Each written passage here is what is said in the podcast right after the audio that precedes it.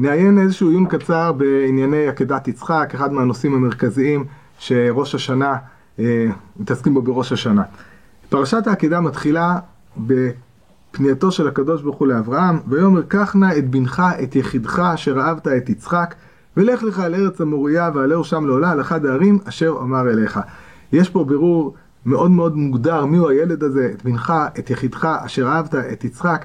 רש"י בעקבות רבותינו זיכרונם לברכה, מסביר שהדברים האלה הם לא דברים סתמיים. הוא מביא דו שיח דמיוני שמתקיים בין הקדוש ברוך הוא לבין אברהם. את בנך, אמר לו שני בנים יש לי. אמר לו את יחידך.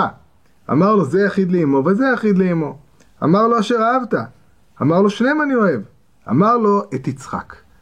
והדו-שיח הזה אומר לנו שיש פה איזשהו רצון ליצור איזושהי דרמה מסוימת לקראת ההגעה מיהו הבן המדובר, שהבן המדובר הוא יצחק. ורש"י גם ממשיך את הדברים, מסביר לנו למה היה צריך את הדברים האלה, ולמה לא גילה לו מתחילה, אומר רש"י, שלא לערבבו פתאום, ותזוח דעתו עליו ותתערף, הוא כדי לחבב עליו את המצווה. רש"י מחבר פה שני פירושים שונים שמופיעים במדרש, האחד, שלא תזוח דעתו פתאום, שזה לא יבוא לו כרעם ביום בהיר, אז פתאום קח את יצחק, והשני, כדי לחבב עליו את המצווה. לאט לאט ככה נבנה הדבר שהיחס בנך, את יחידך, שאהבת את יצחק, הדבר הזה גורם לאברהם איזושהי פעולה של מחבב עליו את המצווה. זהו לא המקום היחידי שבו אנחנו נתקלים באיזשהו פירוט שמסביר לנו אה, מיהו הבן הזה. גם בסוף הפרשה, בשני מקומות, הדברים אה, חוזרים, התיאור של יצחק חוזר. בסוף הפרשה בפסוק י"ב, ויאמר אל תשלח ידך אל הנער ואל תעש לו מאומה, כי אתה ידעתי כי ירא אלוהים אתה, ולא חסכת את בנך את יחידך ממני. כאן אנחנו רואים את בנך את יחידך. ומספר פסוקים אחר כך, ויאמר בי נשבעתי נאום אדוני, כי יען אשר עשית את הדבר הזה, ולא חסכת את בנך את יחידיך. פעם נוספת, את בנך את יחידיך. כשאנחנו משווים בין התיאור שמופיע בסוף הפרשה, את בנך את יחידיך, לתיאור שיש לנו בתחילת הפרשה, את בנך את יחידך אשר אהבת את יצחק, אז מובן לנו מאוד למה לא צריך להזכיר פה את יצחק. כי הרי אנחנו יודעים שמדובר ביצחק, בתחילת הפרשה אנחנו לא ידענו שמדובר ביצחק, את בנך, את יחידך אשר אהבת, את יצחק, צריך לדעת במי מדובר. אבל בשלב הזה אנחנו כבר יודעים שמדובר ביצחק, ולא צריך להזכיר את זה. אבל עולה השאלה, למה לא להגיד אשר אהבת? למה לא, יען, לא, יען אה, ולא חסכת את בנך, את יחידך אשר אהבת ממני? למה, לאיפה נעלמה אהבה? למה בתחילת הפרשה מתואר יצחק בנך יחידך אשר אהבת, ואילו בסוף הפרשה בשני המקומות כתוב בנך יחידך, ולא מופיע אשר אהבת. האמת היא שרבותינו זיכרונם לברכה, וגם המפרשים הראשונים, לא נגעו בכלל בשאלה הזו, לא... נראה שאין בכלל התייחסות לשאלה הזו. מי שכן התייחס לשאלה הזאת ממפרשי ה... מפרשי התורה, אה, היחידי שאני מצאתי לפחות, אה, מהמפרשים הוא המשך חוכמה. הרי רבי מאיר שמחה מדווינסק בפירוש שלו עומד על הנקודה הזאת ומסביר אותה. אומר רבי מאיר שמחה, את בנך את יחידך ממני, מה שלא אמר אשר אהבת, משום דמלאכי השרת, מחשבה שבלב אינם יודעים. כמו שאמר כי אתה לבדך בוחן כליות ולב, ואהבה היא מכוחות הנפש הנסתרים מהנבראים, זולת הבורא יתברך. אז אהבה זה משהו פנימי, ואין מודעות למלאכי השרת בעניין הזה, לכן המלאך, הדברים האלה נאמרים בשם המלאך, לא יכול להגיד, אה, לא יכול להגיד לאברהם את אשר אהבת. הפירוש הזה של המשך חוכמה הוא בכלל, בכלל לא פשוט. כי המלאך לא אומר דברים מעצמו, הרי הדבר, המלאך אומר את דבר השם. ובפרט בפעם השנייה שזה מוזכר, זה מוזכר, ויאמר בי נשבעתי נאום השם, אז זה נאומו של השם, ולכן השם כן יכול להגיד על אברהם שאשר אהבת ביחס ליצחק. אה, מי שכן התייחס לנקודה הזאת זה פרופסור אסא כשר, שהוא נחשב אחד מגדולי המומחים בארץ בענייני אתיקה, כל מיני דברים, רוח צה"ל, כל מיני מסמכים אתיים אחרים. אה, אז באחד ממאמריו, ששמו הוא טעותו של אברהם אבינו, אה, הוא מתייחס לנקודה הזאת, ואני אצטט חלק מתוך דבריו. התשובה שלי לשאלה היא פשוטה, אומר אסא כשר, המסקנה העולה ממנה היא ביקורתית. זכרו את המשפט הזה, המש... המסקנה העולה ממנה היא ביקורתית. ואני מדלג טיפה, מי ששלח את ידו אל המאכלת לשחוט את בנו, גם אם את בנו לא שחט, את אהבת בנו מליבו שחט גם שחט. אהבה אמיתית אינה יבשה רגשית. אהבת אב לבנו אינה תחושה סמויה. אהבה אמיתית היא התוכן המובהק של פרקטיקה מורכבת. מערכת עשירה של מעשים בעלי משמעות. היא כוללת רצון מתמיד בקרבה. היא מבטאת נכונות לאמץ את נקודת המבט של האהוב, גם כשמדובר בוויתור על נקודת המבט העצמית של האוהב. בנסיבות מיוחדות היא מביאה לנכונות קיצונית של האוהב להקריב את הכל למען הנאהב. מי ששלח ידו אל המאכלת לשחוט את בנו, שוב אין בו נכונות להעדיף את טובת בנו על טובתו שלו. בוודאי ששוב אין בו נכונות להקריב את חייו למען בנו. בלשון קצרה, אין בו אהבת בנו. בדברים האלה יש אה, כמה אמירות. המסר המהותי הוא שאברהם אבינו, אם הוא רצה להכות את יצחק, סימן שהוא לא אוהב אותו. לא ניתן לעשות פעולה של אה, הריגת הבן כשאתה אוהב אותו. והדברים האלה הם דברים בכלל בכלל לא פשוטים. מאחורי התפיסה הזאת, כמו שהוא הזכיר בתחילת דבריו, מסתתר תפיסה ביקורתית כלפי אברהם, גם השם של המאמר הזה, טעותו של אברהם. אה, והטענה הגדולה שלו, שהוא משהו נפגע ביחס של אברהם אה, לבן שלו. אני זוכר ששמעתי את הדברים האלה פעם ממישהו בעל פה, אה, לא מהמחבר עצמו, שמעתי את זה ממישהו, והוא לקח את זה לכיוון ש...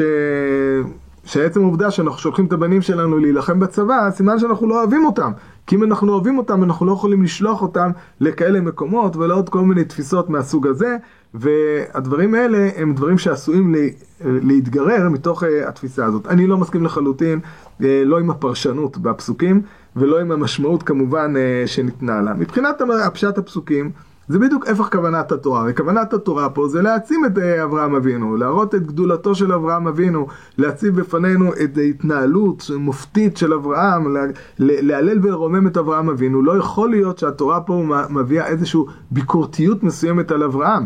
הביקורתיות הזאת, שכאילו יש פה איזו טעות של אברהם, אברהם אבינו היה צריך לאבד את האהבה לבן שלו, ו- ומתוך הנחה שהדבר הזה הוא שלילי, זה פשוט לא יכול להיות מתוך uh, פשט הפסוקים. הדברים האלה אולי לאור נקודת מבט שהיא מציבה מערכת ערכים אחרת, אה, יכולים להיתפס כך, אבל על פי מערכת הערכים של התורה, לא יכול להיות שיש פה איזושהי אה, אמירה שמשהו טוב נעלם אחרי אה, פרשת העקדה. אני גם לא מסכים עם הנגזרות, עם המשמעות של הדברים האלה. אה, הדברים האלה יסודם בהבנה מאוד מאוד חד-ממדית בעיניי של אה, מה זה אהבה ומה היחס בין אהבות שונות. לא ייתכן שאדם יעשה משהו אה, גדול משמעותי למרות שהוא אוהב את הבן שלו. אדם מגודל אהבתו מוסר את נפשו אה, על קידוש השם והדבר הזה הוא גם מצווה, אז לא יכול להיות שהאדם מגודל אהבתו להשם, הוא יעשה משהו למרות, כמו שהוא אוהב את עצמו, ולמרות זאת הוא מוסר את נפשו, ככה הוא יעשה את אותו מעשה ביחס אה, לבן שלו, זה לא שהוא לא אוהב אותו, אלא יש פה איזה משהו אחר שהוא יותר גדול מהדבר הזה, אז גם במישור הזה הדברים אה, בכלל בכלל לא פשוטים. אה, אבל עדיין נשארנו לענות על השאלה, למה באמת בסוף הפרשה לא מופיע הביטוי אשר אהבת? למה שמתארים את יצחק בסוף? אין את אשר אהבת, לאיפה נעלמה אה, האהבה? ישנו עוד אחד ענק שבענקים, שנראה שהוא נתן את ליבו לפער בין ראשית הפרשה לסופה. אה, ואדרבה, נראה שהוא לקח בדיוק את הנקודה הזו, את הנקודה של האהבה של אברהם ליצחק, והתהליך שעובר את האהבה הזאת, הוא לקח אותה כאחד מנקודות המפתח לפירוש שלו לפרשת העקדה, והוא הרב קוק. הרב קוק, כידוע, אה, כתב פירוש לפרשת העקדה, פירוש אה, שמופיע בתוך סידור עולת ראייה בחלק הראשון, בתוך, בתוך תפילת שחרית, והפירוש הזה הוא פירוש אה, מאוד מאוד מעניין, פירוש רציף, שיטתי, קצת מזכיר את ה... כמו שהרב כותב את עין היה. ובו פסוק אחר פסוק הרב מסביר את הרעיונות שעומדים מאחורי הפסוקים, כשיש איזשהו חוט מקשר ואיזשהו רצף בין uh, הדברים כולם. והרב קוק בתוך הדברים שלו, הרב קוק uh, באמת uh, לוקח את, ה, את הנקודה הזאת כנקודה מאוד מאוד מרכזית. אומר הרב, שאדם נמצא בעולמות עליונים, הוא עשוי להיות במצב שבגלל שיש בו אהבת השם עצומה, אז פשוט הכל נשכח ממנו. הוא שוכח, כביכול שוכח את העולם שסביבו. הוא שוכח את עצמו, שוכח את עצמותו, את השאיפות שלו, את הרצונות שלו. במצב, כשכזה, נקרא למצב סוג של אקסטזה דתית, אי אפשר בכלל לשפוט את ההתנהלות של האדם. אדם שנמצא במצב כזה, שהוא ממש כל כולו שרוי באיזה אהבת השם, והוא לא יודע מה נעשה סביבו, אין ערך ואין משמעות לכל דבר שיש לו. לא לאהבה שלו לעצמו, לא לאחרים, לא לשום דבר. וזה לא הסיפור אבל של פרשת העקדה. אומר הרב שהקדוש ברוך הוא בפרשת העקדה, בסיפור העקדה, הקדוש ברוך הוא פונה לאברהם. הפנייה הזאת לאברהם אומרת לו, אברהם תהיה אתה. אדרבה, כאילו אל תיכנס, אל תיגש אל הדברים מתוך איזושהי התנתקות מוחלטת מתוך העולם שלך. וכאן בדיוק הקדוש ברוך הוא אומר לו את בנך, את יחידך, אשר אהבת את יצחק. הוא לאט לאט בונה באברהם, כן, את הרגש, הרגש האבאי, הרגש החזק ביותר, הוא מעצים את הרגש הזה. הוא רוצה שאברהם אבינו יהיה במצב של אהבה עצומה ליצחק, כדי שאז נוכל לברר את מקומה של האהבה הזאת. ואז מגיע מה שכביכול אמור להוות התנגשות. מצד אחד, הקדוש ברוך הוא בירר לו והדגיש לו עד כמה הוא אוהב את יצחק, עד כמה יצחק זה הדבר שהוא כל כך חיכה אליו, וכל כך תולה בו תקוות, ומצד שני באה אהבת השם, ההוראה מאת השם, קח נא את בנך וכולי, ועלהו לעולה על אחד הערים אשר אומר אליך. השאלה הגדולה מה יוצר את ההתנגשות. יש פה לכאורה עכשיו התנגשות בין אהבת השם לבין אהבת הילד. מה קורה בהתנגשות כזו? יכולים לקרוא אחד משלושה דברים. הדבר הראשון, יכול להיות שאהבת הבן תגבר על אהבת השם. האדם יגיד אני לא יכול. כמו שאדם, יש מקרים שאדם מצווה למסור את נפשו, ויכול להיות שהוא לא מוסר את נפשו, ולמרות שהוא צריך, אין לנו טענות כלפיו. יכול להיות שאדם נמצא באיזשהו מצב, מצב שהוא אומר, אני לא יכול לעשות את המעשה, אהבתי לבני לא מאפשרת לי לעשות את המעשה הזה. זה הרי כמובן שאהבת השם היא באיזושהי מדרגה נמוכה, מדרגה חלשה. זה כמובן לא היה, ולא היה פוטנציאל פה בסיפור העקדה, והתרחיש הזה כנראה היה התרחיש הפחות הגיוני מלכתחילה, מי שמכיר את התנהלותו של אברהם. האפשרות השנייה, אפשרות מאוד מאוד הגיונית, והיא אפשרות שאהבת השם, יש פה את אהבת השם מול אהבת הבן, ואהבת השם תגבר. יש פה מעין תחרות, יש פה מצד אחד אהבה שאומרת לך לעשות משהו מסוים, ויש פה אהבה שאומרת לך אל תעשה את הדבר הזה, ואז יש פה בסופו של דבר האהבה להשם גוברת על, אהבת, על האהבה לבן, והדבר הזה מדגיש באמת את גודל האהבה של האדם אה, לקדוש ברוך הוא, שהוא, אה, שהיא גוברת על כל אהבה אחרת שקיימת לו. אבל גם זה לא הסיפור של העקדה. ישנה דרך שלישית, וזו הדרך שבה צעד אברהם אבינו. לפי התפיסה הזו, האדם מגיע לאיזושהי הכרה שכל מה שהקדוש ברוך הוא עושה, מנהיג, מורה בעולם, הדבר הזה זה דבר הנכון, הטוב, הראוי, והוא באמת הטוב, המוח... הטוב למה שקורה פה בעולם. לפי התפיסה הזאת, אם אני עכשיו מצווה לעשות דבר מסוים, אז גם אם אני לא מבין אותו, גם אם אני לא רואה את הערך שלו, גם אם קשה לי לעשות אותו, אני מגיע לאיזושהי הכרה, אני נמצא באיזשהו מקום שיש לי הכרה שהדבר הזה, זה הדבר הטוב, הנכון והראוי, ואני עושה אותו מתוך הבנה שזה, בשביל הדבר הנעשה, זה באמת הדבר הטוב ביותר. והכיוון הזה, הוא אומר, אם ננסה להבין אותו, זה לא שאני, אברהם מוקד את יצחק למרות אהבתו ליצחק. אברהם מוקד את יצחק בגלל אהבתו ליצחק. אברהם אבינו נמצא, הוא בירר את האהבה שלו, לא סתם אהבה רגשית אה, נטו. זה אהבה שמבוססת על איזושהי תפיסה מסוימת, זה אהבה שנובעת מתפיסה מסוימת שכל מה שקורה בעולם, כל מה שהקדוש ברוך הוא נתן לנו בעולם, כולל דרך אגב כל הרגשות שלנו, זה הכל דברים אמיתיים, זה דברים נכונים, זה דברים טובים. ואם הקדוש ברוך הוא מצווה אותנו לעשות דבר מסוים, זה הדבר הטוב לא רק לעולם, לא רק לי, זה גם הדבר הטוב לגבי מה שנעשה בו הדבר, שזהו תכליתו וזהו ייעודו בעולם. אברהם אבינו עוקד את יצחק, דרך אגב גם לא רק אברהם עוקד את יצחק, אני מזכיר לכם שגם יצחק נעקד, הוא לא היה ילד קטן, עוקד והנעקד. יצחק נעקד, ולפי תיאור רבותינו זיכרונם לברכה במדרשים, יצחק מזדהה עם הדברים האלה, אומר לו, תקשור אותי טוב שחס וחלילה לא ייפסל הקורבן.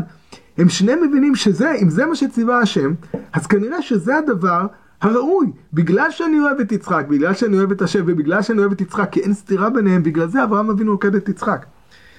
זו כבר תפיסה שונה לחלוטין. כמו שאמרתי, אברהם מוקד את יצחק בגלל שהוא אוהב אותו. וכשאדם מגיע למדרגה הזו, אז בעצם כל דבר שהוא נתבע לעשות בחיים, יכול להיות שיש לו את הכאב הפנימי, עין במר בוכה, ולב שמח. עיניו דומעות, ומצד שני לב שמח לעשות רצון, לב שמח לעשות רצון ברו. אברהם מבין שהתביעה ממנו זה כנראה הדבר שהוא טוב, זה הדבר הראוי, וזה הדבר שנועד בשביל יצחק. ולכן הוא עוקד את יצחק. אני זוכר שפעם אה, מישהו שאל אותי, אמר לי, לא שאל אותי, אמר לי, שאני לא אוהב את הילדים שלי. למה? כי אני עושה להם ברית מילה. איך אבא יכול לעשות כזה דבר לבן שלו? מה פתאום? אני אוהב אותם אהבת נפש. אני חושב שזה הדבר הטוב והראוי עבורם, לעשות להם ברית מילה. לכן מתוך האהבה שלי אליהם אני עושה להם ברית מילה. זה בדיוק כל הרעיון שקיים פה. זה לא מתוך איזושהי אהבה אקסטזית, הפוך, זו אהבה, כמו שמגדיר את זה הרב קוק, זו אהבה שהתבררה ביראה העליונה. במצב של יראה עליונה, אדם מבין, אברהם מבין, שכל... כל מה שקורה בעולם, הוא רואה את הקדוש ברוך הוא לנגד עיניו, הוא מבין שהכל מובן, הכל מכוון, והקדוש ברוך הוא מטיב לבריאותיו, וכנראה שאם הדבר הזה נעשה בדרך מסוימת, אז הדבר הזה הוא הדבר הנכון, הראוי והטוב עבור אה, יצחק ועבור העולם.